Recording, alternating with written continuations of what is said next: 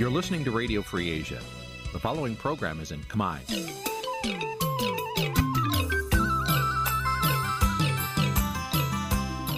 នេះជាកម្មវិធីផ្សាយ Vuthu Azizi Serai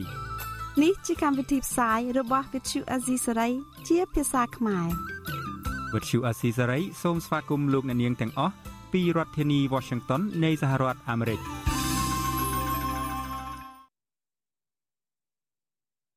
ខ្ញុំបាទថាថៃពីទីក្រុងមែលប៊នប្រទេសអូស្ត្រាលីសូមជម្រាបសួរលោកនាងកញ្ញាដែលកំពុងតាមដានការផ្សាយរបស់វិទ្យុអាស៊ីសេរីទាំងអស់ជាទីមេត្រីយើងខ្ញុំសូមជូនកម្មវិធីផ្សាយសម្រាប់យប់សម្រាប់យប់ថ្ងៃពុធពីកើតខែចេសឆ្នាំខាលចត្វាស័កពុទ្ធសករាជ2566ត្រូវនៅថ្ងៃទី1ខែមិថុនាគ្រិស្តសករាជ2022ជាដំបូងនេះសូមអញ្ជើញលោកនាងស្ដាប់ព័ត៌មានប្រចាំថ្ងៃដែលមានមេត្តាដូចតទៅនេះ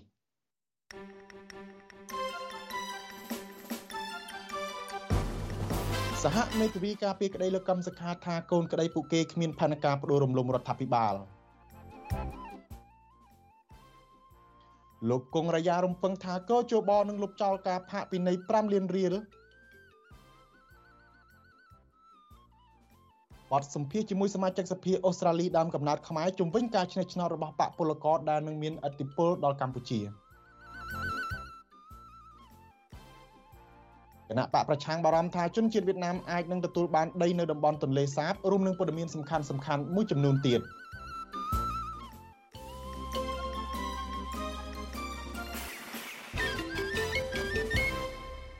បាទជាបន្តទៅនេះខ្ញុំបាទថាថៃសូមជូនព័ត៌មានពិស្ដារដូចតទៅលោកនាងជាទីមេត្រីមេធាវីការពីក្តីលោកកឹមសខាបន្តអះអាងថាលោកកឹមសខាគ្មានផែនការសម្ងាត់ជាមួយរដ្ឋបរទេសដើម្បីផ្ដួលរំលំរដ្ឋាភិបាលលោកហ៊ុនសែនឡើយ។ មេធាវីលោកច័ន្ទជឿនបញ្ជាក់ប្រាប់អ្នកសារព័ត៌មាននៅថ្ងៃទី1មិថុនាជាថ្មីថាការថ្លែងរបស់លោកកឹមសុខានៅប្រទេសអូស្ត្រាលីកាលពីឆ្នាំ2013ជាមួយជាង1ម៉ោងនោះជាការថ្លែងដោយបោកចំហនិងមានអ្នកគ្រប់គ្រងលោកកឹមសុខារាប់សិបនាក់ចូលរួមដូច្នេះមិនមែនជាផែនការសម្ងាត់អ្វីនោះទេមេធាវីការពីក្តីឲ្យលោកកឹមសុខាថ្លែងប្រាប់អ្នកសារព័ត៌មានក្រោយតុលាការបញ្ចប់សវនាការថា តាំងពីដើមមកដល់ពេលនេះ តុលាការគ្មានភ័ស្តុតាងរឹងមាំដាក់បន្ទុកលោកកឹមសុខាក្រៅតែពីវីដេអូនៃការថ្លែងរបស់លោកកឹមសុខានោះឡើយផ្ទុយទៅវិញលោកមេធាវីថាមានតែរដ្ឋបរទេសនានាបន្តមានទំនាក់ទំនងល្អជាមួយរដ្ឋាភិបាលទៅវិញសវនាការលើកទី42នេះមានការចូលរួមខ្លំមើលពីតំណាងស្ថានទូតបរទេសតំណាងអង្គការសហប្រជាជាតិប្រចាំកម្ពុជានិងអ្នកសារព័ត៌មានអង្គការសង្គមស៊ីវិលនៅក្នុងស្រុកផងដែរកងកម្លាំងប្រដាប់អាវុធប្រមាណជា20នាក់រឹតបន្តឹងសន្តិសុខ នៅមុខតុលាការខណៈអ្នកគ្រប់គ្រងលោកកម្មសខាមួយចំនួនឈរនៅខាងមុខតុលាការនោះដែរតុលាការនឹងបន្តសវនាការលើសំណុំរឿងលោកកម្មសខាជាបន្តទៀតនៅថ្ងៃទី18ខែសំទុះនៅថ្ងៃទី8ខែមិថុនាសប្តាហ៍ក្រោយនេះបាទលោកនាងជាទីមេត្រីលោកនាងកំពុងស្ដាប់ការផ្សាយផ្ទាល់របស់វិទ្យុអាស៊ីសេរីដែលផ្សាយចេញពីទីក្រុងមែលប៊នប្រទេសអូស្ត្រាលី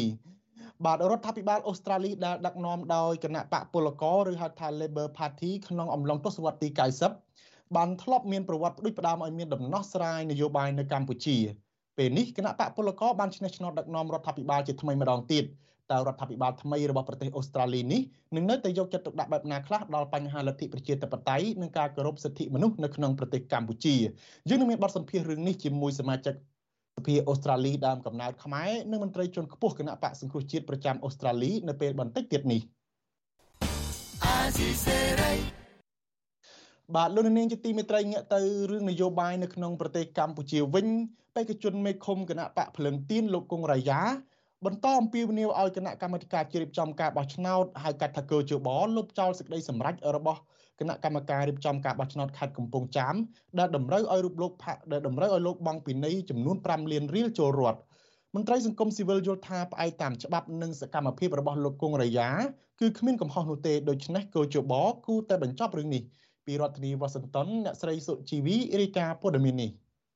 បេក្ខជនមេឃុំស្ដៅរបស់គណៈបកភ្លើងទៀនលោកគង់រាយាសង្ឃឹមថាប្រសិនបើកោជបបំពេញការងារដោយវិជ្ជាជីវៈនិងតាមគោលការណ៍ច្បាប់ពិតប្រាកដនោះ លោកនឹងទទួលបានយុត្តិធម៌ដោយរួចផុតពីការបង់ផាកពិន័យជាប្រាក់5លានរៀលក្តីសង្ឃឹមរបស់លោកគង់រាយាបែបនេះគឺស្របពេលដែលកោជបចេញលិខិតក៏ហៅលោកឲ្យចូលរួមដោះស្រាយនៅថ្ងៃទី2ខែមិថុនាបន្ទាប់ពីលោកបានដាក់ពាក្យប្តឹងជំទាស់សេចក្តីសម្រេចរបស់គណៈកម្មការរៀបចំការបោះឆ្នោតខេត្តកំពង់ចាមកាលពីថ្ងៃច័ន្ទដើមសប្តាហ៍នេះលោកកុងរាយាប្រាប់វិទ្យុអាស៊ីសេរីនៅថ្ងៃទី1ខែមិថុនាថា លោកនឹងចូលរួមដោះស្រាយតាមលិខិតកោះហៅរបស់កោជបលោកបញ្ជាក់ថាសេចក្តីសម្រេចរបស់គណៈកម្មការរៀបចំការបោះឆ្នោតខេត្តកំពង់ចាមដែលតម្រូវឲ្យលោកបង់ផាកពិន័យចូលរដ្ឋចំនួន5លានរៀលគឺជារឿងអយុត្តិធម៌លោកទទូចឲ្យកោជបលុបចោលសេចក្តីសម្រេចនេះវិញដើម្បីបញ្ជាការរិះគន់និងដាក់សម្ពាធពីសហគមន៍អន្តរជាតិ ខ្ញុំយល់ថាបើសិនជាកោចបគាត់មានភាពឯករាជ្យគាត់ប្រកាសជាទទួលយកសំណុំពររបស់ខ្ញុំដើម្បីលុបចោលការផាកវិន័យថវិកាចំនួន5លានហ្នឹងហើយហើយខ្ញុំបារម្ភពីឯករាជ្យភាពរបស់កោចបដែរដោយដែលខ្ញុំបាននិយាយពីមុនហើយថាបើសិនជាខាងសហគមន៍អឺរ៉ុបគាត់រកឃើញថាការបោះឆ្នោតគុំសង្កាត់ឆ្នាំ2022នេះมันមានដំណាភាពសេរីនិងយុត្តិធម៌ទេអញ្ចឹងប្រទេសកម្ពុជាអាចប្រឈមនឹងការដកការអនុគ្រោះពន្ធ100%ដូច្នេះហើយដែលធ្វើឲ្យប៉ះពាល់ទៅដល់សេដ្ឋកិច្ចប្រទេសកម្ពុជាក៏ដូចជាសេដ្ឋកិច្ចរបស់ពលរដ្ឋផងដែរកាលពីថ្ងៃទី28ខែឧសភាប្រធានក្រុមប្រឹក្សាជំនុំជម្រះនៃគណៈកម្មការរៀបចំការបោះឆ្នោតខេត្តកំពង់ចាមលោកយឹមសុធានីបានសម្រេចរក្សាឈ្មោះក្នុងបញ្ជីបេក្ខជនមេឃុំគណៈបកភ្លើងទៀនទាំង15នាក់នៅក្នុងស្រុកកងមាសដដែលប៉ុន្តែសម្រេចផាកពីនៃតែលោកគង់រាយាម្នាក់ឯងចំនួន5លានរៀល សេចក្តីសម្រេចនេះក្រោយពីដោះស្រាយបណ្ដឹងរបស់តំណាងគណៈបកប្រជាជនកម្ពុជាដែលបានស្នើសុំឲ្យគណៈកម្មការរៀបចំការបោះឆ្នោតខេត្តកំពង់ចាមដកបេក្ខជនមេឃុំគណៈបកភ្លើងទៀនចំនួន15នាក់រួមទាំងលោកគង់រាយាផង ក្រៅពីនេះតំណាងគណៈបកប្រជាជនកម្ពុជាទាមទារឲ្យផាកពិន័យម្នាក់ម្នាក់ជាប្រាក់20លានរៀលនិងផាកពិន័យគណៈបកភ្លើងទៀនចំនួន30លានរៀលពាក់ព័ន្ធនឹងការចោទថាលោកគង់រាយា ចែកលុយជាសាធារណៈជូនសកម្មជនរបស់ខ្លួនតែទោះជាយ៉ាងណាលោកគង់រាយាយល់ថាតំណាងគណៈបកប្រជាជនកម្ពុជាប្តឹងពួកលោកនេះព្រោះព្រួយបារម្ភខ្លាចចាញ់ការបោះឆ្នោតឃុំសង្កាត់នៅពេលខាងមុខលោកបញ្ជាក់ថាក្នុងនាមលោកជាប្រធានក្រុមត្រួតត្រងស្រុកកងមាសនិងជាប្រធានគណៈបកភ្លើងទៀនឃុំស្ដៅគឺលោកមានសិទ្ធិចែកលុយនិងសម្ភារៈទៅដល់បេក្ខជនមេឃុំបកភ្លើងទៀនទាំងនោះដើម្បីឲ្យពួកគាត់ប្រើប្រាស់សម្រាប់ឃោសនារោគសម្លេងឆ្នោត ពលគឺមិនមែនជាការទិញទឹកចិត្តឬក៏ទិញសន្លឹកឆ្នោតពីពលរដ្ឋនោះទេវិទ្យុអាស៊ីសេរីមិនអាចសុំការឆ្លើយតបរឿងនេះពីអ្នកនាំពាក្យកោជបលោកហងពុធាបានទេដោយទូរស័ព្ទចូលពុំមានអ្នកទទួលជុំវិញរឿងនេះប្រធានគណៈកម្មការអភិជាក្រិតនិងយុត្តិធម៌ដើម្បីការបោះឆ្នោតដោយសេរីនិងត្រឹមត្រូវនៅកម្ពុជាហៅកាត់ថា Netflix លោកសំគុណធីមីមើលឃើញថាការបដិងផ្ដាល់លោកគង់រាយានិងបេក្ខជនគណៈបកភ្លើងទៀនផ្សេងទៀតនេះ គឺអាចពាក់ព័ន្ធនឹងការច្រណែនលើប្រជាប្រិយភាព របស់បេក្ខជនមេឃុំទាំងនោះលោកយល់ថាកោជបគួរតែលុបចោលការផាកពិន័យនេះព្រោះផ្អែកតាមច្បាប់និងសកម្មភាពរបស់លោកគង់រាយាពុំចាត់ចូលក្នុងអំពើល្មើសច្បាប់បោះឆ្នោតនោះទេ បើឲ្យទៅបេក្ខជនអាហ្នឹងបេក្ខជនគេគេមន្ត្រីគេហ្នឹងបេក្ខជនស្រាប់ហើយហ្នឹងមានតែចាំបាច់ទិញអីបើគេបេក្ខជនក្រុមប្រឹក្សាគុំរបស់គេស្រាប់ហើយហ្នឹងមានអីត្រូវទិញអានេះគេផ្ដល់លុយទៅការតាសម្រាប់ឃោសនាទៅអាហ្នឹងអត់មានអីខុសទេនិយមនៃទិញស្លឹកខោអត់មានអញ្ចឹងទេក្នុងផ្លូវច្បាប់ដូច្នេះអត់មានអីខុសច្បាប់ទេគោគួរតែកើជាបហ្នឹងពីនេះទៅបើឃើញដូចសម្ដីអញ្ចឹងមែនគឺបញ្ចប់ទៅរឿងហ្នឹងតម្លាក់ចោល កន្លងមកគណៈបកដែលរងការរិះគន់រឿងចែកលុយនឹងអំណោយដូចជាសារ៉ុងប៊ីចេងជាដើមទៅដល់ពលរដ្ឋម្ចាស់ឆ្នោតខ្លាំងជាងគេ នៅក្នុងរដូវបោះឆ្នោតនោះគឺគណៈបកប្រជាជនកម្ពុជារបស់លោកហ៊ុនសែនលើសពីនេះគណៈបកកាន់អំណាចថែមទាំងបង្ខំពលរដ្ឋដែលបានទទួលអំណោយហើយត្រូវស្បត់ថានឹងបោះឆ្នោតឲ្យបាក់ខ្លួននិងប្រមានបង្កសង្គ្រាមទៀតផង ប្រសិនបើចាញ់ឆ្នោតអ្នកខ្លាំមើលនិងមន្ត្រីបកប្រឆាំងអះអាងថា បើទោះបីជាទង្វើរបស់គណៈបកប្រជាជនកម្ពុជាបានបំពានច្បាប់បោះឆ្នោតធ្ងន់ធ្ងរបែបណាក្តីប៉ុន្តែក៏ជបដែលមានសមាជិកថ្នាក់ដឹកនាំភាគច្រើនចេញពីជួរមន្ត្រីជាន់ខ្ពស់គណៈបកប្រជាជនកម្ពុជា ហាក់មើលមិនឃើញនិងមិនបានចាត់វិធានការតាមផ្លូវច្បាប់ឡើយនាងខ្ញុំសុជីវីវិទ្យុអាស៊ីសេរីពីរដ្ឋធានី Washington បាទលោកនាងជាទីមេត្រីតកតងនឹងរឿងនេះដែរនៅមុនការផ្សាយបន្តិចលោកគង់រយ៉ា បានឲ្យដឹងថាលោកបានដាក់ញត្តិជូនស្ថានទូតប្រទេសមួយចំនួននៅក្នុងទីក្រុងភ្នំពេញដើម្បីឲ្យស្ថានទូតប្រទេសប្រជាធិបតេយ្យទាំងនោះចូលរួមតាមដានការចូលរួមដោះស្រាយរបស់លោកនៅក្នុងទីស្តីការកោជបពាក់ព័ន្ធទៅនឹងសំណុំរឿងរបស់លោកបាទបាទលោកនាងជាទីមេត្រីតកតងទៅនឹងយុទ្ធនាការឃោសនាបោះឆ្នោតឃុំសង្កាត់អាណត្តិទី5នេះបានប្រព្រឹត្តទៅអស់រយៈពេល12ថ្ងៃហើយនឹងគ្រងនឹងបិទបញ្ចប់នៅថ្ងៃសុក្រទី3ខែមិថុនាខាងមុខការចាប់ខ្លួន ការធ្វើទុកបុកម្នេញនិងបណ្ដឹងប្រឆាំងបេក្ខជនមេឃុំនិងសកម្មជនគណៈបកភ្លើងទៀនកំពុងញោមញីបរិយាកាសឃោសនានៃការបោះឆ្នោតនេះតើមានបញ្ហាជំរងចម្រាស់និងភាពមិនប្រក្រតីអ្វីខ្លះកើតឡើងក្នុងរយៈពេល12ថ្ងៃនៃយុទ្ធនាការឃោសនារោគសម្លេងឆ្នោតនេះបាទបន្តិចទៀតនេះលោកមានរិទ្ធនឹងមានសេចក្តីរាយការណ៍ផ្ទាល់ជុំវិញបញ្ហានេះ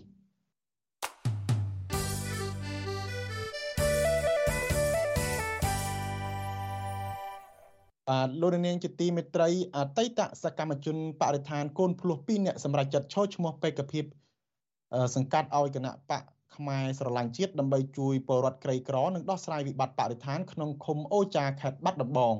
ការលើកឡើងនេះកើតឡើងក្រោយពីពួកគាត់មើលឃើញថាអាញាធរឃុំគណៈបកកណ្ដាលអំណាចបានមើលរំលងបញ្ហានេះនិងខ្វះចន្លោះច្រើនក្នុងការដោះស្រាយបញ្ហាបរិស្ថាននិងក្តីកង្វល់របស់ពលរដ្ឋព្រោះគ្មានវត្តមានគណៈបកប្រឆាំង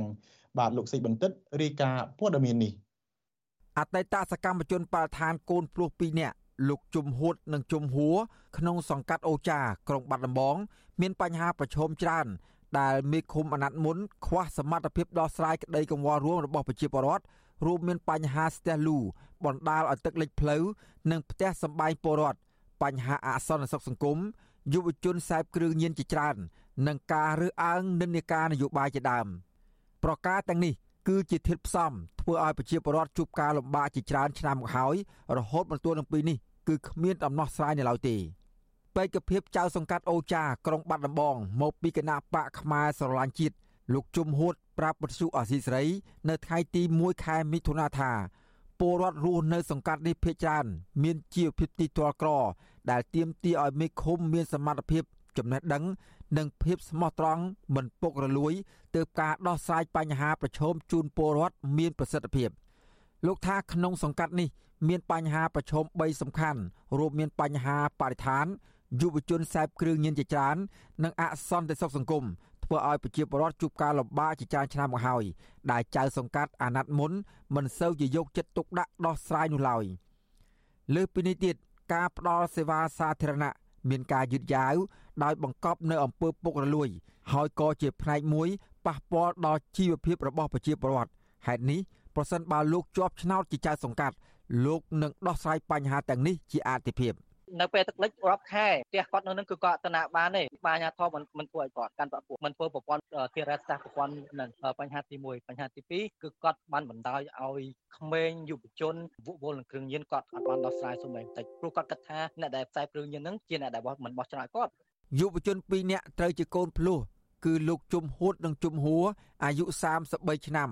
បានបញ្ចប់ការសិក្សាត្រឹមថ្នាក់អនុបណ្ឌិតផ្នែកច្បាប់ និងជាបេក្ខជនថ្នាក់បណ្ឌិត យុវជនទាំងពីរនេះមានបំណងចង់ឃើញពលរដ្ឋនៅក្នុងសង្កាត់អូចា មានបរិស្ថានល្អ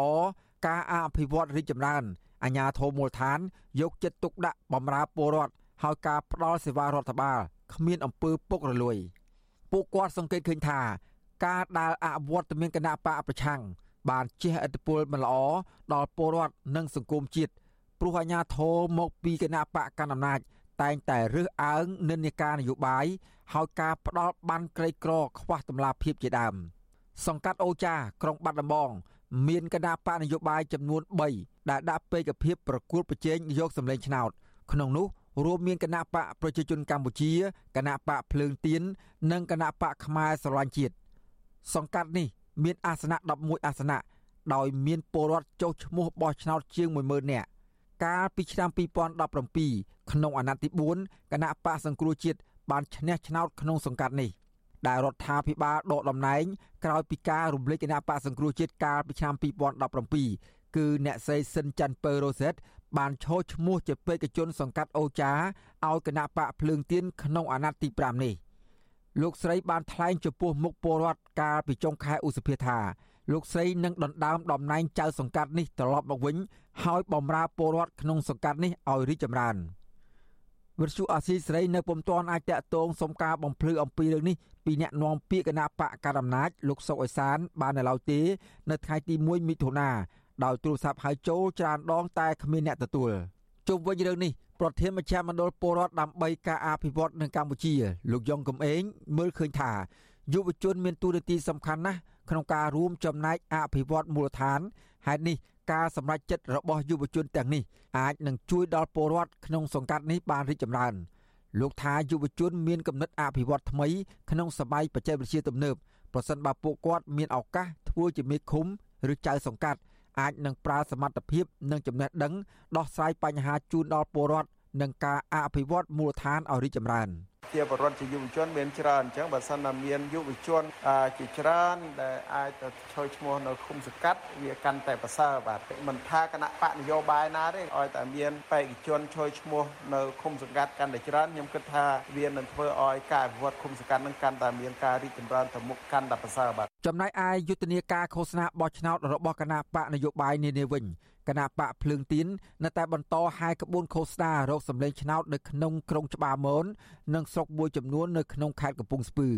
រីឯគណៈបកប្រជាជនកម្ពុជា បានកំណត់ថ្ងៃបិទបញ្ចប់យុទ្ធនាការឃោសនាបោះឆ្នោតជាថ្ងៃហាយក្បួនទ្រង់ទ្រាយធំអនុប្រធានគណៈបកភ្លើងទៀនលោកច័ន្ទសេដ្ឋាប្រាប់បទសុអាស៊ីស្រីថាថ្នាក់ដឹកនាំគណៈបកភ្លើងទៀន បានហែក្បួនទ្រង់ទ្រាយធំ ក្នុងក្រុងច្បារមនក្នុងស្រុកសំរោងទងនិងស្រុកគងពិសីដោយមានមនុស្សចូលរួម2000នាក់លោកបញ្ជាក់ថាយុទ្ធនាការនេះគណៈបកភ្លើងទៀនបានច្បិចយកបញ្ហាដីធ្លីជារឿងសំខាន់លោកថ្លែងប្រាប់ពលរដ្ឋថាប្រសិនបើមេឃុំឬចៅសង្កាត់មកពីគណៈបកភ្លើងទៀនឈ្នះឆ្នោតនឹងប្រឹងប្រែងការពារសវត្ថភាពដីធ្លី និងព្រៃឈើជូនដល់ពលរដ្ឋស្របតាមច្បាប់ និងមិនប្រព្រឹត្តអំពើពុករលួយនោះទេ ការបោះឆ្នោតជ្រើសរើសក្រុមប្រឹក្សាឃុំសង្កាត់អាណត្តិទី5នេះនឹងប្រព្រឹត្តទៅនៅថ្ងៃអាទិត្យទី5ខែមិថុនានាចុងសប្តាហ៍នេះក្នុងនោះគណៈបកនយោបាយចំនួន17បានចូលរួមប្រគល់ប្រជែងដណ្ដើមយកអាសនៈជាសមាជិកក្រុមប្រឹក្សាឃុំសង្កាត់មានចំនួនជាង10000អាសនៈហើយពលរដ្ឋជាង9លាន2សែននាក់បានចុះឈ្មោះក្នុងបញ្ជីបោះឆ្នោតខ្ញុំបាទសេកបណ្ឌិតវិទ្យុអាស៊ីសេរីពីរដ្ឋធានីវ៉ាស៊ីនតោន បាទលោកនាងជាទីមេត្រីរដ្ឋាភិបាលអូស្ត្រាលីដែលដឹកនាំដោយគណៈបកពលករឬហៅកាត់ថាឬហៅថាគណៈបក Labor Party ធ្លាប់មានប្រវត្តិផ្ដួចផ្ដើមឲ្យមានដំណោះស្រាយនយោបាយនៅកម្ពុជា កាលពីអំឡុងទសវត្សរ៍ទី90 គណៈបកពលករនៅពេលនេះបានឈ្នះឆ្នោតដឹកនាំរដ្ឋាភិបាលជាថ្មីម្ដងទៀតតើរដ្ឋាភិបាលថ្មីរបស់ប្រទេសអូស្ត្រាលីនេះនឹងនៅតែយកចិត្តទុកដាក់បែបណាខ្លះដែរទៅដល់បញ្ហាលទ្ធិប្រជាធិបតេយ្យនិងការគោរពសិទ្ធិមនុស្សនៅក្នុងប្រទេសកម្ពុជាបាទឥឡូវនេះយើងមានបទសម្ភាសន៍មួយជាមួយនឹងសមាជិកសភាអូស្ត្រាលីដើមកំណើតខ្មែរគឺលោកតាក់មិញហៀងនិងមន្ត្រីជាន់ខ្ពស់គណៈបកសង្គ្រោះជាតិប្រចាំប្រទេសអូស្ត្រាលីគឺលោកម៉ែនវណ្ណាសូមជម្រាបសួរលោកទាំងពីរបាទបាទជម្រាបសួរថា បាទសូមជម្រាបសួរលោកខាថៃហើយនិងជម្រាបសួរលោកបាទវណ្ណាផងដែរបាទអរគុណដែលលោកទាំងពីរបានចូលរួមបទសម្ភាសន៍ជាមួយយើងនៅរាត្រីនេះបាទអឺលោកម៉ែនវណ្ណា គឺជា ប្រធាន ចលនាគណៈបកសង្គ្រោះជាតិអឺនៅក្រៅប្រទេស បាទហើយលោករស់នៅក្នុងប្រទេសអូស្ត្រាលីដែរហើយលោកតាក់មីហៀងគឺជាតំណាងរាស្ត្រ របស់គណៈបក Labor Party នៅរដ្ឋ Victoria ដែលមានដើមកំណើតខ្មែរបាទហើយឥឡូវនេះយើងឃើញថាកាលពីខែមុននេះគឺគណៈបកមានការបោះឆ្នោតសហព័ន្ធបានលទ្ធផលបានបង្ហាញថា គណៈបក Labor នឹងបានឈ្នះឆ្នោតដឹកនាំរដ្ឋាភិបាលជាថ្មីម្ដងទៀតក្រោយពេលដែលគណៈបកនេះបានចាញ់ឆ្នោតតាំងពីឆ្នាំ2013មកបាត់បង់ឱកាសកាន់អំណាចហើយឥឡូវនេះបានកាន់អំណាចជាថ្មីឡើងវិញយើងដឹងថាកាលពីអំឡុងទសវត្សរ៍ទី90រដ្ឋាភិបាលដែលដឹកនាំដោយគណៈបកពលករនឹងធ្លាប់ដើរទីនីតិសំខាន់គឺតាមរយៈលោក Gareth Evan ដែលលោកបានចូលរួម សម្របសម្រួលឲ្យមានកិច្ចព្រមព្រៀងសន្តិភាពទីក្រុងប៉ារីសបាទហើយឥឡូវនេះលឹងយើងឃើញថាកាលកាលពីនោះកាលពីពេលនោះគឺលោករដ្ឋមន្ត្រីការបរទេសសំទោសរដ្ឋមន្ត្រីអតីតរដ្ឋមន្ត្រីការបរទេសអូស្ត្រាលីនាសម័យនោះគឺលោក Gareth Evan ហ្នឹងគាត់ហាក់មានសមានចិត្តខ្លះដែរចំពោះលោកនាយករដ្ឋមន្ត្រីហ៊ុនសែន ប៉ុន្តែចុងក្រោយមកយើងឃើញថាលោកតែងតែរិះគន់ត្រង់ត្រង់ទៅលើលោកនាយករដ្ឋមន្ត្រីហ៊ុនសែននឹងដោយឲ្យមានការស្ដារប្រជាធិបតេយ្យនិងការគោរពសិទ្ធិមនុស្សនិងថែមទាំងអំពាវនាវជាចំហឲ្យសហគមន៍អន្តរជាតិនឹងដាក់ទណ្ឌកម្មទៅលើរដ្ឋាភិបាលលោកហ៊ុនសែនថែមទៀតផងខ្ញុំចង់ផ្ដល់សំណួរដំបូងទៅលោកតាក់មីងហៀងបន្តិចថាតើការបោះឆ្នោតដែលផ្ដល់ឱកាសឲ្យគណៈបក Labor ឈ្នះម្ដងទៀតនេះ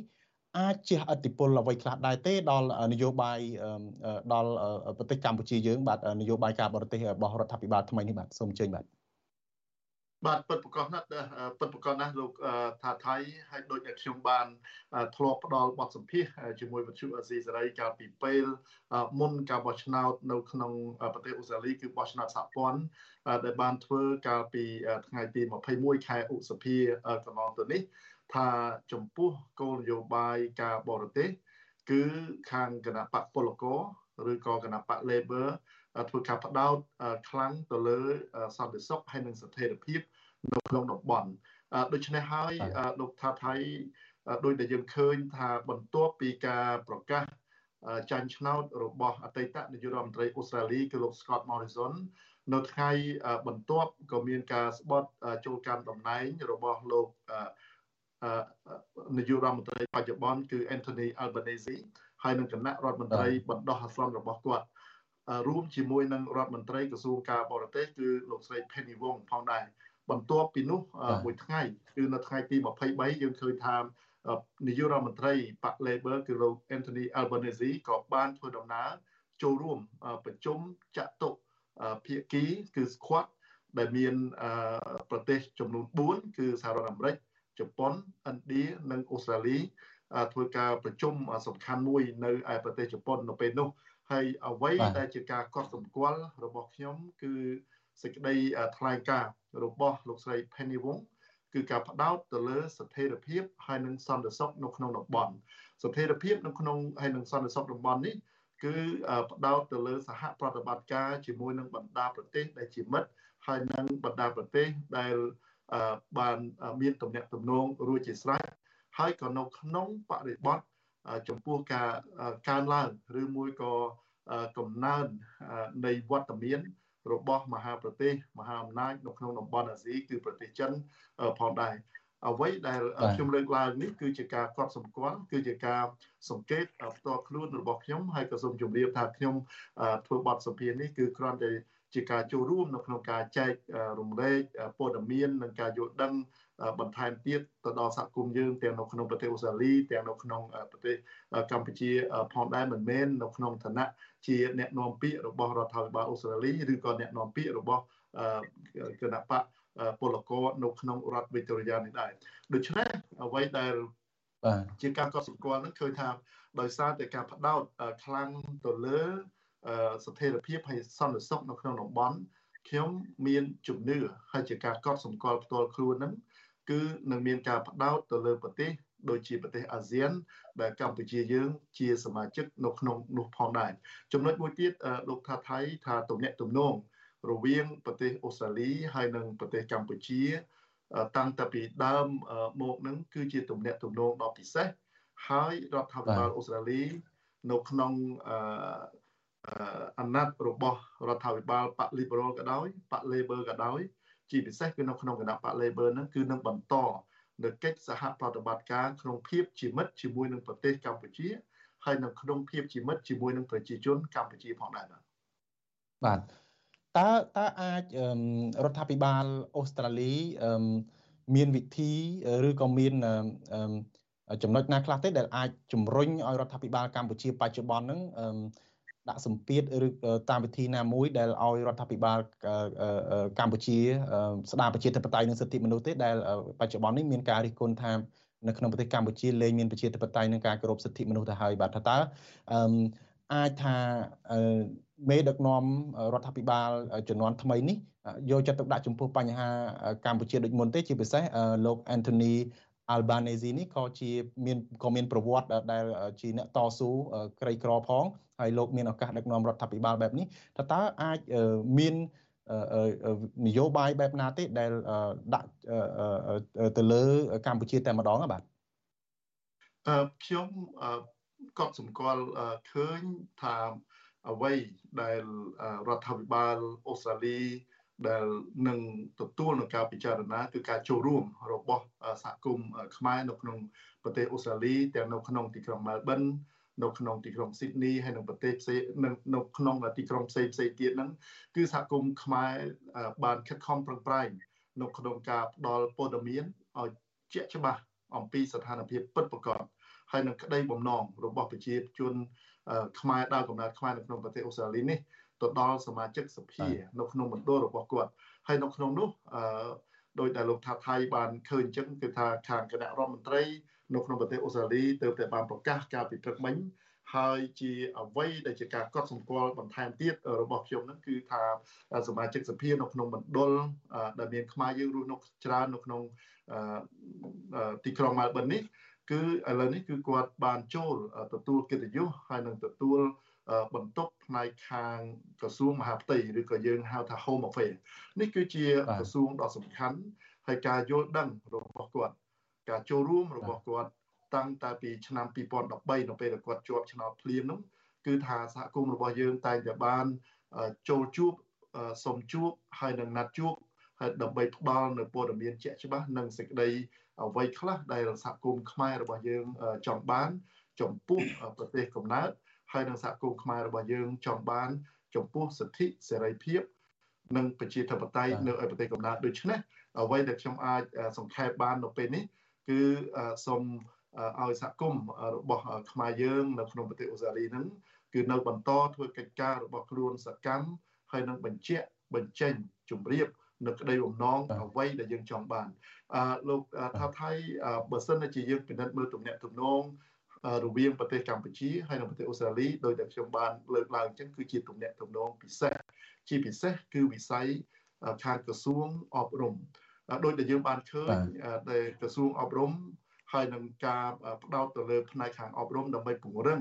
នៅចំណេះដឹងដើម្បីជំរុញឲ្យមានជីវភាពប្រសើរជាងមុនតាមរយៈការអប់រំនេះគឺមានសារៈសំខាន់ណាស់ដូច្នេះនេះគឺជាអ្វីដែលខ្ញុំកត់សម្គាល់ឃើញថាការចូលរួមរបស់រដ្ឋាភិបាលអូស្ត្រាលីនៅក្នុងមួយឆ្នាំមួយឆ្នាំជាពិសេសហ្នឹងគឺថានៅក្នុងឆ្នាំសារពើពន្ធឆ្នាំ2022 2023នេះជំនួយរបស់ ប្រទេសអូស្ត្រាលីតំណាងឲ្យប្រជាជនអូស្ត្រាលីដែលមានខ្មែរយើងជាង750,000នាក់ផងដែរហ្នឹងទៅប្រទេសកម្ពុជា គឺមានរហូតទៅដល់67.9លានដុល្លារក្នុងមួយឆ្នាំសារពើប្រព័ន្ធនេះហើយដូច្នេះនេះគឺជាការចូលរួមយ៉ាងសកម្មហើយនឹងការចូលរួម ដែលមានភាពរឹងមាំដើម្បីការផ្លាស់ប្ដូរដ៏វិជ្ជមានតាមផ្លូវណាមួយដែលខ្ញុំសង្ឃឹមថា នឹងមានការផ្លាស់ប្ដូរជាវិជ្ជមានតាមរយៈការចូលរួមរបស់រដ្ឋាភិបាលអូស្ត្រាលីជាពិសេសគឺក្រោមការដឹកនាំរបស់លោក Anthony Albanese ដែលមានលោកស្រី Penny Wong ដែលជារដ្ឋមន្ត្រីក្រសួងការបរទេសបាទបាទអរគុណលោកតាមីហៀងដែលបានរៀបរាប់យ៉ាងលម្អិតពាក់ព័ន្ធនឹងបញ្ហានេះខ្ញុំចង់ងាកមកលោកម៉ែនវណ្ណាវិញម្ដងអឺ លោកមែនវណ្ណាមានសង្ឃឹមបែបណាដែរពីព្រោះកាលពីខែមុននឹងគឺលោកសំរងស៊ីក៏បានធ្វើដំណើរទស្សនកិច្ចនៅក្នុងប្រទេសអូស្ត្រាលីហើយនិងប្រទេសនូវេសេឡង់ឬប្រទេសញូហ្សេឡង់ដែរហើយខ្ញុំបានដឹងថាលោកសំរងស៊ីបានជួបជាមួយនឹងតំណាងរាស្ត្ររបស់គណៈបក ពលករច្រើនរូបដែរនៅពេលដែលលោកមកបំពេញទស្សនកិច្ចហ្នឹងរួមមានទាំងលោកស្រី Cleonel រួមទាំងលោក Julian Hill អីជាដើមបាទហើយខ្ញុំបានចាំប្រសាសន៍របស់អ្នកស្រី Cleonel ដែលបានចូលរួមនៅក្នុងកិច្ច ប្រជុំរបស់គណៈបកសង្គ្រោះជាតិដែលរៀបចំនៅទីក្រុង Melbourne នៅតំបន់ Springvale ហ្នឹងគឺថាលោកស្រីបានអាងថាលោកស្រីបានដឹងបានឮបានជ្រាបច្បាស់អំពីស្ថានភាពនៅក្នុងប្រទេសកម្ពុជាដែលមានការរំលោភសិទ្ធិមនុស្សនិងការធ្លាក់ចុះនៃលទ្ធិប្រជាធិបតេយ្យហើយលោកស្រីមានអារម្មណ៍ថាសោកស្ដាយចំពោះបញ្ហានេះហើយលោកស្រីឈរនៅជាមួយប្រជាពលរដ្ឋខ្មែរនិងជួយជំរុញឲ្យមានប្រជាធិបតេយ្យជាដើមឥឡូវនេះលោកស្រី Cleonel ក៏បាន បានជាប់ឆ្នោតហើយលោកស្រីនឹងឡើងជារ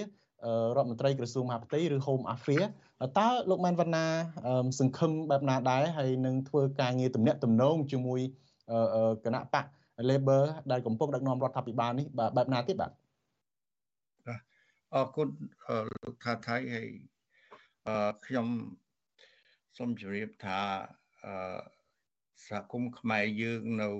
ម៉ែលប៊ននិងនៅទូទាំងប្រទេសអូស្ត្រាលីគឺជាពិសេសគឺនៅ Melbourne គឺយើងធ្វើការជាមួយនឹង Labor Party នឹងយូរឆ្នាំហើយយើងតែងតែជួយគាត់គ្រប់ពេលវេលាជាពិសេសមានលោកតមិហៀងដែលនៅទីនេះគឺយើងធ្វើបាធ្វើការជាមួយគ្នាខ្លាំងដើម្បីជាតិយើងជាពិសេសគឺ Meninsky X ដែលយើងបង្ខំប្រហែលឆ្នាំមុននឹងយើងឲ្យខាង Labor ជួយ មាន Julian Hill, Cleo O'Neil នឹងផ្ទាល់គឺគាត់បានអឺដាក់នៅក្នុង Parliament ជាច្រើនលើកដូច្នេះអឺអ្វីដែលអឺយើងសង្ឃឹមច្រើនពីព្រោះយើងមានតំណែងតំណងល្អជាមួយគណៈបក Labor គាត់ ហើយអ្វីដែលយើងធ្លាប់ឮធ្លាប់ឃើញនឹងពិភាក្សាជាមួយគាត់គឺគាត់ចង់ជួយប្រទេសខ្មែរយើងឲ្យមានលទ្ធិប្រជាធិបតេយ្យពិតប្រាកដដូច្នេះអឺលទ្ធផលដែលប្រជាពលរដ្ឋគាត់បោះឆ្នោតជូន Labor Party នឹងក៏ជាភពសំណាងរបស់ខ្មែរយើងមួយចំនួនធំមួយចំនួនដែលយើងសង្ឃឹមថារដ្ឋាភិបាល Labor សប្តាហ៍នេះគាត់នឹងជួយយើងឲ្យមានតំណែងតំណងល្អហើយជាពិសេសពង្រឹងលទ្ធិប្រជាធិបតេយ្យដែលជាគ្រឹះរបស់ខ្មែរយើងកើតឡើងដោយលោក Garrett Evans ជាអតីតក្រសួងការបរទេសពីឆ្នាំ91គឺ Peace Agreement នៅឆ្នាំ91នឹងគឺជាគ្រឹះរបស់ ប្រទេសកម្ពុជាយើងដើរទៅរកនីតិប្រជាធិបតេយ្យដូច្នេះខ្ញុំមានសង្ឃឹមយ៉ាងច្រើនហើយយើងអឺនឹងខំធ្វើការងារជាមួយរដ្ឋាភិបាលនិងជាពិសេសនៅស្រី Cleo O'Neil ដែលគាត់ជាមន្ត្រីក្រសួងមហាផ្ទៃនឹង Julian Hill ក៏ដោយក៏គាត់នៅតែខិតខំប្រឹងប្រែងហើយក្នុងពេល ដែលឥឡូវហ្នឹងគឺគាត់រៀបចំគណៈរដ្ឋមន្ត្រីរួចហើយរដ្ឋាភិបាលរៀបចំគណៈរដ្ឋមន្ត្រីរួចហើយដែលមានស្ត្រីធ្វើការងារនៅក្នុងគណៈរដ្ឋមន្ត្រីដល់ទៅ10នាក់ក្នុង23នាក់គឺគឺច្រើនមែនតើគឺសឹងតែពាក់កណ្ដាលដូច្នេះគឺជាការអបអរសាទរហើយអឺពួកយើងខ្ញុំអឺខំនឹងខំតំណាក់តំណងឲ្យបានល្អជាងប្រសើរ អ្វីទៅដែលដែលលោកម៉ែនវណ្ណាសង្ឃឹមថាអាចនឹងជំរុញឲ្យមានដំណោះស្រាយហ្នឹងពីព្រោះថាកន្លងមកយើងឃើញអឺបើទោះបីជាសហរដ្ឋអាមេរិកសហភាពអឺរ៉ុបអីនឹងដាក់សម្ពាធទៅលើរដ្ឋាភិបាលលោកហ៊ុនសែនក៏ដោយលោកប្រកាសក្តែងក្តែងថាលោកមិនខ្វល់ហើយគ្មានអធិបុលទៅលើរដ្ឋាភិបាលកម្ពុជាទេហើយប្រទេសកម្ពុជានៅមានប្រជាធិបតេយ្យអីទៅដែរហ្នឹងហើយលោកថាអូស្ត្រាលីហ្នឹងគណៈបក Labor ដែលធ្លាប់មានតំណែងតំណងល្អជាមួយគណៈបកសង្គ្រោះជាតិហើយ ជាពិសេសមានតំណែងតំណងល្អជាមួយលោកសំរងស៊ីបានជជែកអីមានការសន្យាខ្លះជាមួយលោកសំរងស៊ីអីនៅពេលដែលលោកមកទស្សនកិច្ចហ្នឹងតើលោកសង្ឃឹមនឹងសង្ឃឹមបែបណាដែរជាពិសេសច្បាប់ដែលមានការអនុម័តកន្លងមកដែលមានលំនាំស្តៀងគ្នាទៅនឹងច្បាប់ Magnitsky Act របស់សហរដ្ឋអាមេរិកដែលដាក់ទណ្ឌកម្មទៅលើមេដឹកនាំពុករលួយមេដឹកនាំដែលរំលោភសិទ្ធិមនុស្សអីអីហ្នឹងថាតើអាចយកមកអនុវត្តជាផ្លូវការទេឬក៏ អឺគ្រាន់តែបង្កើតមកទុកចោលទេពីព្រោះថាយើងយើងបានឃើញមានការចុះផ្សាយច្រើនទៅលើរបាយការណ៍ស្រាវជ្រាវនានាថា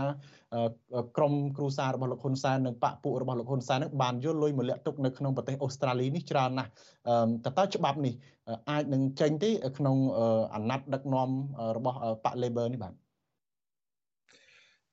ខ្ញុំមានសង្ឃឹមថានឹងចេញនៅពេលដែលគណៈបក Labor ជាប់ ក្នុងរយៈកាល3ឆ្នាំនេះខ្ញុំជឿថាចេញហើយចំពោះលោកថៃសំណួររបស់លោកថាដែលមានដែលបានមើលឃើញថាហ៊ុនសែននៅតែកក្លឿនដដែលបើយើងពិនិត្យមើលឲ្យច្បាស់នៅក្នុងការដឹកនាំរបស់លោកហ៊ុនសែនជារបបគ្រួសារនិយមហ្នឹងគឺយើងមើលឃើញអឺ គ្មានការអន់ថយប្រជាពលរដ្ឋឈឺចាប់ប្រជាពលរដ្ឋហ៊ានក្រោកឈរប្រជាពលរដ្ឋវេទនាគ្រប់ពេលវេលាហើយអ្វីដែលយើងកត់សម្គាល់គឺសហភាពនៅអន្តរជាតិជាអង្គការសហប្រជាជាតិជាពិសេសយុរ៉ុបអាមេរិកឬក៏ជប៉ុនដែលធ្លាប់ជួយជំនួយដ៏ច្រើនឥឡូវគឺយើងឃើញបន្ថយហើយជាពិសេសការបោះឆ្នោតលើកនេះគឺ គ្មានប្រទេសណាជួយទេអូស្ត្រាលីក៏អត់ជួយដែរដោយសារអីដោយសារគេបានប្រមានហើយប្រមានទៀតអ្វីដែលគេចង់បានគឺគឺការសម្រេចចិត្តរបស់គេ5ចំណុចហ្នឹងគឺគេចង់ឲ្យរដ្ឋាភិបាលលោកហ៊ុនសែននឹងបដូរផ្លាស់ជាគឺប្រគល់លទ្ធិជាធិបតេយ្យជាពិសេសគឺគណៈបកសង្គ្រោះជាតិឡើងវិញបើគេអត់ធ្វើខ្ញុំជឿថា គេនឹងដាក់សម្ពាធបន្ថែមតទៅទៀតត្រង់នេះហើយត្រូវការពេលវេលាក៏ប៉ុន្តែខ្ញុំមានជំនឿថានឹងអាចផ្លាស់ប្ដូរបាទសូមអរអរគុណលោកម៉ែនវណ្ណាខ្ញុំសូមងាកទៅលោកតាក់មិញហៀងវិញបាទអឺអឺ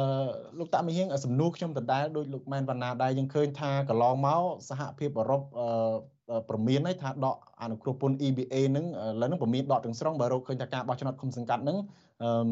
មានភាពអយុត្តិធម៌ហើយសហរដ្ឋអាមេរិកនឹងក៏បានដាក់ទណ្ឌកម្មជាបន្តបន្ទាប់ដែរតាមច្បាប់ Magnitsky Act របស់សហរដ្ឋអាមេរិកនឹងឥឡូវនេះអូស្ត្រាលីមានច្បាប់នឹងដែរហើយខ្ញុំចង់ដឹងថាទំនាក់ទំនងជាមួយអូស្ត្រាលីអីនេះអូស្ត្រាលីអាចមានឥទ្ធិពលអ្វីខ្លះដែលអាចដាក់ទណ្ឌកម្មទៅលើរដ្ឋាភិបាលកម្ពុជាបាទជាពិសេសសម្ពាធសេដ្ឋកិច្ចពាណិជ្ជកម្មអីហ្នឹងលោកគិតថាអូស្ត្រាលីរ៉ូស៊ីជាមួយរដ្ឋាភិបាលកម្ពុជានឹងធម្មតាទេឬក៏ មានលក្ខខណ្ឌអ្វីខ្លះដែរដែលអាចឲ្យរដ្ឋាភិបាលកម្ពុជានឹងគោរពសិទ្ធិមនុស្សនិងលទ្ធិប្រជាធិបតេយ្យបាទមានច្រើនចំណុចដែលអូស្ត្រាលីអាចនិយាយដោយផ្ទាល់ជាមួយនឹងរដ្ឋាភិបាលនៃប្រទេសកម្ពុជាដោយដែលយើងបានឃើញនៅពេលកន្លងមកគឺរដ្ឋរដ្ឋមន្ត្រីក្រសួងការបរទេសអូស្ត្រាលីហើយតាមរយៈស្ថានទូតអូស្ត្រាលីនៅប្រទេសកម្ពុជា គឺតែងតែបានលើកឡើងអំពីការគោរពសិទ្ធិមនុស្សរួមទាំងការទម្លាក់ចោលនៅការចោតប្រកាន់លោកប្រធានគណៈបកឬក៏អតីតប្រធានគណៈបកសង្គ្រោះជាតិដែលកំពុងតែជាប់ក្តីក្តាំនាពេលបច្ចុប្បន្ននេះ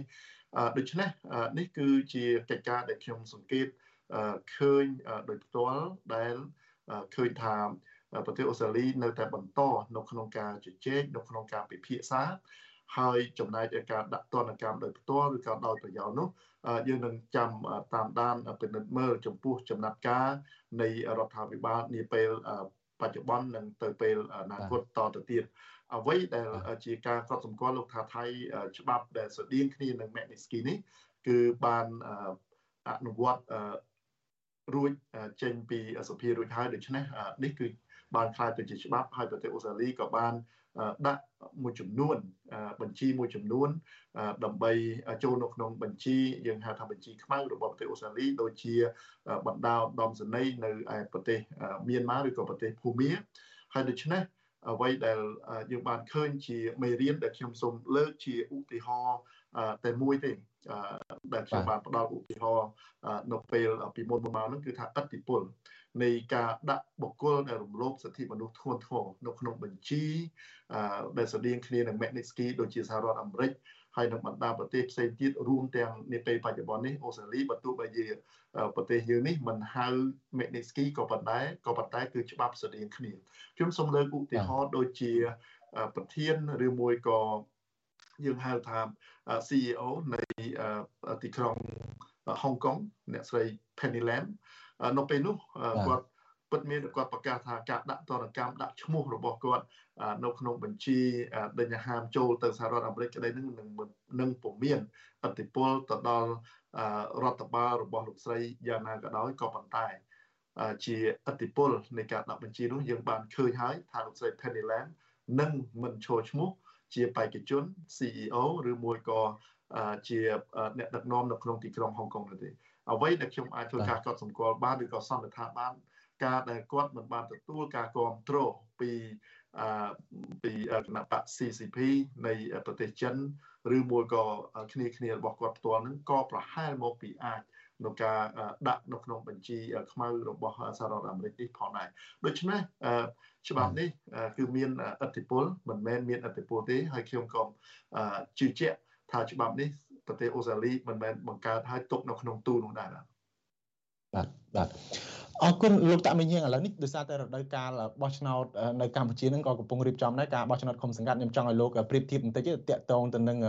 បរិយាកាសបោះឆ្នោតនៅអូស្ត្រាលីនិងនៅស្រុកខ្មែរហ្នឹងជាពិសេសយើងឃើញថាការផ្ទេរអំណាចហ្នឹងដូចជាអត់មានការតឹងសរសៃកឲ្យដាក់គ្នាទេគឺថាលោក Scott Morrison លោកបានបរាជទទួលស្គាល់បរាជ័យប្រកាស ទទួលស្គាល់អបអរសាទរជ័យជំនះរបស់គណៈបក Labor ហើយបន្ទាប់មកលោកបានស្បត់លោក Anthony Albanese ហ្នឹងក៏បានស្បត់ចូលកាន់តំណែងហើយទៅប្រទេសជប៉ុនដើម្បីចូលរួមកិច្ចប្រជុំចតុភាគីហ្នឹងចង់ឲ្យលោករៀបរាប់ទ្រុសទ្រុសសង្ខេបបន្តិចតកតងនឹងបរិយាកាសបោះឆ្នោតនៅកម្ពុជានៅនៅអូស្ត្រាលីហើយនឹងការរបៀបផ្ទេរអំណាចទៅនៅក្នុងប្រទេសនេះហើយនឹងស្ថានភាពនយោបាយនៅកម្ពុជាការបោះឆ្នោតនោះវាមានលក្ខណៈខុសគ្នាបែបណាដែរបាទ ប្រហែលជាខ្ញុំអាចជម្រាបឬមួយក៏អាចធ្វើការបញ្យល់ដើម្បីចែកចាយព័ត៌មានហើយនឹងដើម្បីផ្ដល់ជូនដល់ប្រិយមិត្តអ្នកស្ដាប់របស់វិទ្យុអេស៊ីសេរីចំណែកឯការប្រៀបធៀបតង់ទី2អំពីការបោះឆ្នោតនៅប្រទេសកម្ពុជាប្រហែលជាខ្ញុំត្រូវការជំនួយពីលោកម៉ែនវណ្ណាដែលមានវត្តមាននៅក្នុងទីនេះស្រាប់ពីព្រោះថាខ្ញុំជឿថាគាត់ប្រកាសជាបានតាមដានអំពីដំណើរការនៃការបោះឆ្នោតនៅប្រទេសកម្ពុជាលោកថាថៃរូបខ្ញុំផ្ទាល់គឺ បានចូលរួមដោយផ្ទាល់នៅក្នុងការបោះឆ្នោតនៅក្នុងប្រទេសអូស្ត្រាលីនេះមែនទែនតាំងពីខ្ញុំបានមកដល់ប្រទេសអូស្ត្រាលីឆ្នាំ96គឺនៅក្នុងឆ្នាំបន្ទាប់2ឆ្នាំគឺនៅក្នុងឆ្នាំ1998តាំងពីនឹងរហូតមកដល់បច្ចុប្បន្ននេះគឺរាល់ការបោះឆ្នោតឃុំសង្កាត់រាល់ការបោះឆ្នោត state ហើយនឹងការបោះឆ្នោតសហព័ន្ធដែលទើបតែបានធ្វើនៅថ្ងៃទី21កន្លងមកនេះគឺខ្ញុំមានការចូលរួមដូច្នេះ ចូលរួមដោយផ្ទាល់ចូលរួមទាំងការចែកសញ្ញាឆ្នោតចូលរួមទាំងការឃោសនាចូលរួមសង្កេតតំណាងឲ្យគណៈបកនៅក្នុងការសង្កេតពេលរាប់សញ្ញាឆ្នោតហើយក៏បានចូលរួមទាំងអបអរនៅពេលដែលឈ្នះឆ្នោតហើយនឹងទុកសោកនៅពេលដែលគណៈបករបស់ខ្ញុំមិនបានជាប់ឆ្នោតដោយដែលដោយតែកាលក្នុងឆ្នាំ2019ការបោះឆ្នោតនៅក្នុងប្រទេសអូស្ត្រាលីនេះគឺមាន យើងរាប់ថាគណៈកម្មការដែលហៅថា Australian Electoral Commission ហ្នឹងគឺជាគណៈកម្មការដែលឯករាជ្យហើយរៀបចំការបោះឆ្នោតដោយស្មារតីផ្ដល់ឱកាសហើយនឹងមានគោលការណ៍ច្បាស់លាស់រួមទាំងការដាក់ពិន័យផងដែរបើសិនជាគណៈបកណាបេក្ខជនណាឬមួយក៏បុគ្គលណាដែលធ្វើបំពេញនៅច្បាប់បោះឆ្នោតដូច្នេះការ ដែលគាត់រៀបចំនៅក្នុងការបោះឆ្នោតនីមួយៗហ្នឹងគឺមានអ្នកទទួលខុសត្រូវតំណាងឲ្យគណៈបកបើសិនជាគណៈបកដែលបានចូលរួមក្នុងការបោះឆ្នោតនោះបានធ្វើតាមលំដាប់លំដោយតាមលក្ខខណ្ឌរបស់ AEC ដែលយើងហៅថាជាគណៈកម្មការរៀបចំការបោះឆ្នោតនៅក្នុងប្រទេសអូស្ត្រាលីហ្នឹងគឺមានភាពរលូនហើយដោយពមៀនយើងរាប់ថាដោយពមៀនការ ទំនាស់គ្នានៅក្នុងអំឡុងពេលនៃការឃោសនាបោះឆ្នោតរយៈពេល33ថ្ងៃនោះទេប៉ុន្តែបើសិនណាជាបុគ្គលអង្គឬមួយក៏គណៈបកដែលមានការបំពេញការបំពេញនឹងរួមទាំងការប្រកាសអាសយដ្ឋានកន្លែងស្នាក់នៅកន្លែងរស់នៅ ទៅគណៈកម្មការរៀបចំការបោះឆ្នោតដែលមិនត្រឹមត្រូវក៏អាចរាប់ជាការបំពេញ ឬមួយជាការប្រើសារដែលមិនតំណាងឲ្យគណៈបករបស់ខ្លួនឬមួយក៏សារខ្លះបង្កឲ្យមានភាពសំអប់បង្កឲ្យមានការរើសអើងឬមួយក៏ពណ៌សញ្ញានៃគណៈបកហ្នឹងក៏រាប់ជាការបំពេញផងដែរហើយនឹងមានដែលតុលាការមួយដើម្បីដោះស្រាយភ្លាមភ្លាមនៅក្នុងអំឡុងពេលនៃការឃោសនានោះដូច្នេះជាសង្ខេបលោកថាថៃគឺនៅម៉ោង8ព្រឹក ថ្ងៃបោះឆ្នោតគឺនឹងមានការបើកឲ្យមានការបោះឆ្នោតហើយម៉ោង6ល្ងាចរហូតដល់ម៉ោង6ល្ងាចតាមមណ្ឌលនៃការបោះឆ្នោតហ្នឹងនឹងត្រូវបិទហើយការរាប់ស្លឹកឆ្នោតក៏ធ្វើនៅតាមមណ្ឌលនៅពេលនោះអ្វីដែលជាការកត់សម្គាល់ហ្នឹងលោកថាថៃគឺពុំមានអ្នកសង្កេតការរបស់ ដេញក្រសួងឬមួយក៏អ្នកសង្កេតការរបស់មន្ត្រីប៉ូលីសទាហានយោធាអីមកកវែលក្បែរនៅមណ្ឌលបោះឆ្នោតនោះទេហើយលើសពីនឹងទៅទៀតហ្នឹងគឺថាសឹងតែគណៈបកតូចតូចខ្លះឬមួយក៏បេក្ខជនយើងហៅថា independent គឺបេក្ខជនឯករាជ្យដែលគាត់បានឈរឈ្មោះនៅក្នុងការបោះឆ្នោតនោះពេលខ្លះគាត់នឹងមិនបញ្ជូនអ្នកសង្កេតការរបស់គាត់មកចូលរួមនៅក្នុងការរាប់សន្លឹកឆ្នោតនោះទៀតផង ត្រង់កន្លែងនេះគឺខ្ញុំចង់បញ្ជាក់ថាការបោះឆ្នោត នៅក្នុងប្រទេសអូស្ត្រាលីឬមួយក៏ការបោះឆ្នោតប្រចាំរដ្ឋឬមួយក៏ការបោះឆ្នោតនៅក្នុងឃុំសង្កាត់នឹងគឺយើងទុកចិត្តទៅលើយន្តការរបស់គណៈកម្មការរៀបចំការបោះឆ្នោតរហូតទៅដល់ថ្នាក់នឹងហើយការបោះឆ្នោតនឹងទៀតសោតគឺគឺធ្វើឡើងសម្រាប់ អ្នកដែលគាត់មិនអាចទៅចូលរួមការបោះឆ្នោតមុននៅថ្ងៃបោះឆ្នោតគាត់អាចមានរយៈពេលនៃការបោះឆ្នោតរហូតដល់ជាង10ថ្ងៃឯណោះហើយចំណែកអ្នកដែលធ្វើដំណើរដែលជាប់រវល់អ្នកពិការហើយនឹងអ្នកដែលត្រូវការជំនួយផ្សេងផ្សេងហ្នឹងគឺខាងគណៈកម្មការរៀបចំការបោះឆ្នោតគឺផ្ដល់ឱកាសផ្ដល់គ្រប់ ឱកាសទាំងអស់ដើម្បីគាត់អាចចូលរួមការបោះឆ្នោតដើម្បីបញ្ចេញសម្លេងនៅក្នុងការជ្រើសរើសគណៈបកណាដើម្បីដឹកនាំរដ្ឋាភិបាលបាទបាទអរគុណលោកតាមីហៀងដែលបានរៀបរាប់តាមពិតយើងចង់ស្ដាប់ការរៀបរាប់ជ្រុំអត់ដែរអំពីការបោះឆ្នោតនេះហើយចង់លើពីលោកមែនវណ្ណាដែរប៉ុន្តែដោយសារតែពេលវេលាខ្លីយើងសូមបញ្ចប់កិច្ចពិភាក្សាត្រឹមនេះសូមអរគុណលោកទាំងពីរដែលបានចូលរួមសូមជម្រាបលាបាទបាទជម្រាបលាបាទអរគុណ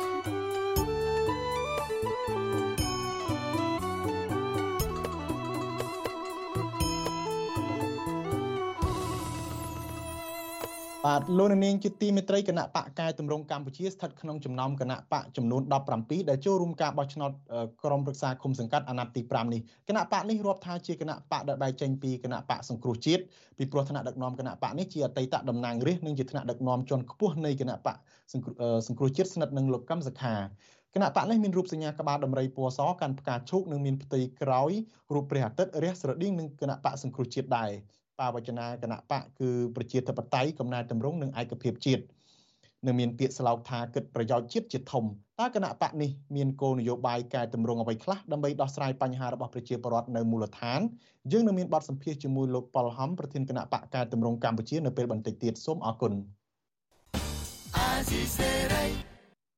បាទលោកនាងជាទីមេត្រីងាកទៅរឿងពលករវិញគឺថាពលករជាច្រើនអ្នកនៅតែបន្តឆ្លងដែនខុសច្បាប់ទៅធ្វើការងារនៅឯប្រទេសថៃស្របពេលដែលការបោះឆ្នោតជ្រើសរើសក្រុមប្រឹក្សាឃុំសង្កាត់កាន់តែខិតជិតចូលមកដល់ពលករអះអាងថាពួកគាត់ចង់បោះឆ្នោតក៏ប៉ុន្តែដោយសារតែជីវភាពក្រីក្រនិងគ្មានការងារធ្វើក្នុងស្រុកទើបពួកគាត់សម្រេចចិត្តចំណាក់ស្រុកទាំងប្រថុយប្រឋានបែបនេះសង្គមស៊ីវិលយល់ឃើញថាការរៀបចំការបោះឆ្នោតរបស់រដ្ឋាភិបាលមិនអាចធានានូវសិទ្ធិ ទទួលបានការបោះឆ្នោតសម្រាប់ពលរដ្ឋជាចំណាក់ស្រុកបានឡើយដោយសារតែកត្តាខ្វះជីវភាពទើបធ្វើឲ្យពួកគាត់ចំណាក់ស្រុកបាទលោកសេចបណ្ឌិតរាយការណ៍អំពីរឿងនេះពលរដ្ឋដែលបន្តឆ្លងដែនទៅកាន់ប្រទេសថៃលើកឡើងថាការដែលពួកគាត់មិនអាចទៅបោះឆ្នោតបានដោយសារពួកគាត់គ្មានប្រាក់សងបំណុលធនាគារដែលបានខ្ចីគេធ្វើដើមទុនដាំដុះខាតអស់ដើមទុនកាលពីឆ្នាំកន្លងទៅពលរដ្ឋទាំងនោះបង្ហាញពីអារម្មណ៍សោកស្ដាយនិងចង់ចូលរួមបោះឆ្នោត ហើយចង់ឃើញមានការផ្លាស់ប្តូរឋានៈដឹកនាំឃុំសង្កាត់របស់ពួកគាត់ដើម្បីអភិវឌ្ឍប្រទេសជាតិឲ្យរីកចម្រើនដោយប្រទេសជិតខាងពលករនីខ្មែរទៅធ្វើការនៅក្នុងប្រទេសថៃ លោកស្រីឆោមសវណ្ណប្រាប់បទសុអសីស្រីនៅថ្ងៃទី1មិថុនាថាលោកស្រីទើបធ្វើដំណើរឆ្លងដែនតាមច្រករបៀងស្រុកម៉ាឡៃដល់ប្រទេសថៃ បាន4ថ្ងៃប៉ុណ្ណោះលោកស្រីបញ្ជាក់ថា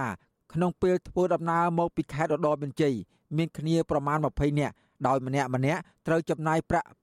6500បាតឬស្មើប្រមាណ190ដុល្លារដើម្បីមកដល់កន្លែងធ្វើការនៅក្នុងប្រទេសថៃលោកស្រីបន្ថែមថាមូលហេតុដែលលោកស្រី មិនចូលតាមច្រកព្រំដែនដោយស្របច្បាប់ដោយសារចំណាយពេលយូរហើយមិនងាយឆ្លងដែនបាន លោកស្រីសោកស្ដាយដែលមិនអាចទៅចូលរួមបោះឆ្នោតបានដោយប្រជាពលរដ្ឋដទៃហើយថាលោកស្រីក៏មានគណៈបកនយោបាយដែលខ្លួនស្រឡាញ់ដែរ ចំណែកឯពលរដ្ឋខ្មែរធ្វើការនៅក្នុងប្រទេសថៃម្នាក់ទៀតគឺលោកពឹងវុធីមកពីខេត្តកំពតថ្លែងថាកាលពីមុនលោកមកធ្វើការនៅក្នុងប្រទេសថៃតាមរយៈអនុសារណៈយោគយល់គ្នារវាងកម្ពុជានិងថៃហៅកាត់ថា MOU តែក្រោយមកលោកមានធុរៈត្រឡប់ទៅកម្ពុជាវិញក៏ប៉ុន្តែដោយសារតែគ្រួសារលោកជំពាក់បំណុលធនាគារច្រើន និងកត្តាជីវភាពតម្រូវឲ្យលោកទៅប្រទេសថៃម្ដងទៀតតាមផ្លូវកាត់ ឆ្លងតាមច្រករបៀងព្រំដែនក្នុងស្រុកម៉ាឡៃលោកប្រាប់ថាការចំណាយប្រាក់ទៅប្រទេសថៃ គឺមិនខុសគ្នាប៉ុន្មានទេបើប្រៀបធៀបទៅនឹងការឆ្លងដែនដោយស្របច្បាប់តាមក្រុមហ៊ុនប៉ុន្តែដោយសារការឆ្លងដែនដោយខុសច្បាប់ រហ័សចូលទៅដល់ប្រទេសថៃ ជាងឆ្លងដែនតាមរយៈក្រុមហ៊ុនដោយស្របច្បាប់ នៅឃើញតែដាក់តាម MOU វាយូរអញ្ចឹងហ៎បងតាម MOU ជួនណា3ខែ2ខែហ្នឹងมันបានឡើងមកហើយណាមួយយើងអត់មានលុយផ្ទាល់ខ្លួនខ្លួនឯងហើយណាមួយយើងយកលុយកាអង្គការអញ្ចឹងយកទៅចុះឈ្មោះអីចឹងទៅវាអត់មានលុយបង់គេអញ្ចឹងណាជុំវិញរឿងនេះស្នងការរងទទួលបន្ទុកការពីព្រំដែនខេត្តបន្ទាយមានជ័យលោកអ៊ុំសុផលប្រាប់បទសុអសីស្រីនៅថ្ងៃទី1មិថុនាថាក្រុមការងាររបស់លោកបន្តទប់ស្កាត់រាល់ថ្ងៃ និងបានចាប់បញ្ជូនពលករខ្មែរត្រឡប់មកកម្ពុជាវិញជាប្រចាំប៉ុន្តែនៅតែមានការលួចឆ្លងដែនដោយខុសច្បាប់ ពិសេសពេលមេឃភ្លៀងតែម្ដង លោកថាការលួចឆ្លងដែនរបស់ពលរដ្ឋគឺមិនទៀងទាត់នោះទេដោយផ្លាស់ប្ដូរទៅតាមមជ្ឈដ្ឋាន និងការរស់នៅរបស់ប្រជាពលរដ្ឋនៅតាមព្រំដែនលោកលើកឡើងថាពលករទៅធ្វើការនៅក្នុងប្រទេសថៃភ ieck ច្រើនមកពីខេត្តឆ្ងាយឆ្ងាយតាមរយៈបណ្ដាញស្គាល់គ្នា ការលំបាករបស់សមត្ថកិច្ចហ្នឹងគឺដោយសារតែផ្ទះគាត់ជាប់នឹងគួរឈានតែម្ដងនឹងអូតែម្ដងបាទអញ្ចឹងគាត់ងាយស្រួលឆ្លងកាត់ចេញចូលទៅថៃអាហ្នឹងយើងពិបាកណាស់ហ្នឹងណាម្ល៉េះហ្នឹងគឺប្រឈមនឹងគេដោយសារតែគាត់ហ្នឹងគឺផ្ទះជាប់មាត់អូតែម្ដងប្រធានផ្នែកប្រយុទ្ធប្រឆាំងការជួញដូរមនុស្សនិងទេសន្តប្រវេសនៃអង្គការសង្ត្រាល់លោកឌីថេអូយ៉ាថ្លែងថាពលករដែលឆ្លងដែនទៅថៃ គឺមានពីរប្រភេទប្រភេទទី1 គឺពលករដែលធ្វើការនៅក្នុងប្រទេសថៃស្រាប់ហើយត្រឡប់មកកម្ពុជាវិញតាមផ្លូវកាត់និងអ្នកដែលទៅថៃថ្មីថ្មីក៏ត្រូវទៅតាមផ្លូវកាត់ដែរដោយសារពួកគាត់មិនសូវយល់ដឹងអំពីនីតិវិធីក្នុងការឆ្លងដែននិងទី2គឺពលករដែលដាក់ពាក្យតាមរយៈក្រុមហ៊ុនជ្រើសរើសពលករខ្មែរ។ ពលករដែលចូលនៅដីថៃវិញវាមានពីរប្រភេទមួយគេហៅពលករដែលគាត់ធ្វើការនៅថៃហើយគាត់ត្រឡប់មកវិញជំនាន់កូវីដតាមផ្លូវកាត់ដែលអត់មានការវាយ re-entry អីជាដើមហ្នឹងគាត់ទៅវិញគាត់ទៅតាមច្រកផ្លូវកាត់ដែរអញ្ចឹងភាគច្រើននៃពួកគាត់ដែលត្រឡប់មកវិញហ្នឹងគឺគាត់ទៅតាមផ្លូវកាត់វិញព្រមទាំងអ្នកដែលចង់ទៅថ្មីអីហ្នឹងក៏ទៅតាមផ្លូវកាត់ដែរដោយសារតែគាត់អត់ដឹងដំណើរការនីតិវិធីនៃការចូលទៅប្រទេសថៃវាស្មុគស្មាញអញ្ចឹងណាទី2ពលករដែលបានដាក់ពាក្យសុំធ្វើការតាមរយៈក្រុមហ៊ុនក្រុមហ៊ុនជ្រើសរើសឯកជនហ្នឹងគេហៅតាម MOU ហ្នឹងគឺគាត់មានក្រុមហ៊ុនសម្របរួលក្នុងការធ្វើដំណើរតាមច្រកផ្លូវការហ្នឹងលោកឌីថេហូយ៉ាសង្កេតឃើញថាប្រព័ន្ធបោះឆ្នោតរបស់កម្ពុជាមិនទាន់ផ្ដល់ឲ្យពលរដ្ឋចំណាក់ស្រុកប្រើសិទ្ធិក្នុងការបោះឆ្នោតបានទេក្នុងពេលដែលពលករនៅក្រៅប្រទេសលោកក៏អំពាវនាវដល់រដ្ឋាភិបាលគួររៀបចំបែបណាដើម្បីឲ្យពលករចំណាក់ស្រុកទាំងនោះអាចបោះឆ្នោតនៅក្រៅប្រទេសបាន។ តាមរបាយការណ៍របស់អង្គការសង្ត្រាល់ឲ្យដឹងថាបច្ចុប្បន្នមានពលករខ្មែរធ្វើការស្របច្បាប់និងមិនស្របច្បាប់ជិត2លាននាក់ដែលទៅធ្វើការនៅក្នុងប្រទេសថៃខ្ញុំបាទសេកបណ្ឌិតវិទ្យុអាស៊ីសេរីពីរដ្ឋធានីវ៉ាស៊ីនតោនបាទលោកនាងជាទីមេត្រីកម្មករក្រុមហ៊ុន Casino Nagavel ម្នាក់ដែលត្រូវបានអាជ្ញាធររុញច្រានបណ្ដាលឲ្យស្លាប់ទីរក់ក្នុងផ្ទៃគឺលោកស្រីសុករតនាមកដល់ពេលនេះកំពុងស្ថិតក្នុងស្ថានភាពទ្រុឌទ្រោម និងគ្មានថវិកាគ្រប់គ្រាន់សម្រាប់ទិញម្ហូបអាហារបំពេញសុខភាពឡើងវិញឡើយលោកស្រីសុករតនាថាការបាត់បង់កូនក្នុងផ្ទៃនេះគឺជាអំពើនៃទណ្ឌភាពមួយដែលធ្វើឲ្យក្រុមគ្រួសារនិងសាច់ញាតិរបស់លោកស្រីតក់ស្លុតនិងរងក្តីសោកសង្រេងដែលមិនអាចបំភ្លេចបានបាទលោកនាងនឹងបានសេចក្តីស្ដាប់សេចក្តីរាយការណ៍នេះនៅព្រឹកស្អែកបាទលោកនាងជាទីមេត្រីយុទ្ធនាការឃោសនាបោះឆ្នោតឃុំសង្កាត់អាណត្តិទី5នេះបានប្រព្រឹត្តទៅអស់រយៈពេល12ថ្ងៃហើយហើយក្រុងនឹងបិទបញ្ចប់នៅថ្ងៃសុក្រទី3ខែមិថុនា ការចាប់ខ្លួនការធ្វើទឹកបំណិញនិងបណ្ដឹងប្រឆាំងបេក្ខជនមេឃុំនិងសកម្មជនគណៈបកភ្លើងទៀនកំពុងញោមញីបរិយាកាសឃោសនាបោះឆ្នោតនេះតើតើការបោះឆ្នោតនេះមានបញ្ហាចម្រូងចម្រាសនិងភាពមិនប្រក្រតីអ្វីខ្លះកើតឡើងក្នុងរយៈពេល12ថ្ងៃនេះបាទជាបន្តនេះខ្ញុំមានបទសម្ភាសន៍ផ្ទាល់មួយជាមួយនឹងលោកមានរិទ្ធដូចតទៅជំរាបសួរលោកមានរិទ្ធបាទបាទជំរាបសួរលោកថាថៃបាទបាទខានសប្តាហ៍មុនយើងមិនបានជួបគ្នាតែលោកសុកទុកយ៉ាងណាដែរបាទបាទអរគុណលោក ថាថៃបាទសុខសប្បាយទេបាទអរគុណបាទបាទបាទអឺខ្ញុំចង់ឲ្យលោករៀបរាប់ទ្រុសទ្រុបន្តិចតទៅនឹងភាពមិនប្រក្រតីនានាដែលកើតឡើងក្នុងអំឡុងពេលនៃការឃោសនាបោះឆ្នោតរយៈពេល12ថ្ងៃនេះបាទសូមអញ្ជើញបាទ បាទអរគុណលោកថាថៃយើងឃើញថាដំណើរការនៃយុទ្ធនាការឃោសនាបោះឆ្នោតរយៈពេល12ថ្ងៃនេះបានដំណើរការជិតមកដល់ថ្ងៃបញ្ចប់ហើយគឺបញ្ចប់បិទបញ្ចប់ទៅនៅថ្ងៃសុក្រទី3ខែមិថុនានេះមុននឹងឈានទៅដល់ថ្ងៃសនិងថ្ងៃបោះឆ្នោតនៅថ្ងៃទី5ខែមិថុនាតែម្ដងជុំវិញដំណើរការដែលយើងបានសង្កេតការពីក្នុងរយៈពេល ដំណើរការនៃយុទ្ធនាការឃោសនាបោះឆ្នោតនេះរហូតមកទល់ពេលនេះហ្នឹងយើងឃើញថាមានភាពមិនប្រក្រតីជាច្រើនកំពុងតែញោមញីដល់ការបោះឆ្នោតបរិយាកាសនយោបាយនិងការបោះឆ្នោតនៅកម្ពុជាសម្រាប់អាណត្តិទី5នៃការបោះឆ្នោតឃុំសង្កាត់នេះក្នុងនោះយើងឃើញមានការបែកធ្លាយលិខិតពីផ្ទៃក្នុងនៅក្នុងគណៈបកប្រជាជនកម្ពុជានឹងដោយមន្ត្រីសាខាគណៈបកប្រជាជនកម្ពុជា នៅរាជធានីភ្នំពេញនឹងបានចេញលិខិតក៏ហៅសាខាគណៈបកប្រជាជនកម្ពុជាប្រធានសាខាប្រាប់ទៅប្រធានសាខាបកនៅខណ្ឌឬក៏នៅសង្កាត់របស់ខ្លួនឲ្យក៏ហៅប្រធាន ការិយាល័យបោះឆ្នោតអនុប្រធានការិយាល័យបោះឆ្នោតឬក៏លេខាការិយាល័យបោះឆ្នោតដែលគ្រងនឹងចូលធ្វើការឲ្យកោចបនឹងឲ្យមកចូលរួមវគ្គបំពាក់បំពន់បណ្ដុំបណ្ដាលអីជាដើមហើយលេខិននេះរងនឹងការរិះគន់ខ្លាំងពីខាងមន្ត្រីអង្គការសង្គមស៊ីវិលហើយខាងគណៈបញ្ញយោបាយទៀតសោតនឹង គេចោទថាការនេះគឺធ្វើគណៈបព្វជិជនកម្ពុជាកំពុងជ្រៀតជ្រែកដល់កិច្ចការផ្ទៃក្នុងនិងធ្វើឲ្យប៉ះពាល់ដល់ឯករាជ្យរបស់ស្ថាប័នកោជបទាំងមូលក៏ប៉ុន្តែទោះយ៉ាងណាមន្ត្រីគណៈបព្វជិជនកម្ពុជានឹងអះអាងថាលិខិតបែកធ្លាយទាំងនោះគ្រាន់តែជាលិខិតផ្ទៃក្នុងហើយការកោះហៅការកោះឲ្យអញ្ជើញប្រធានឬក៏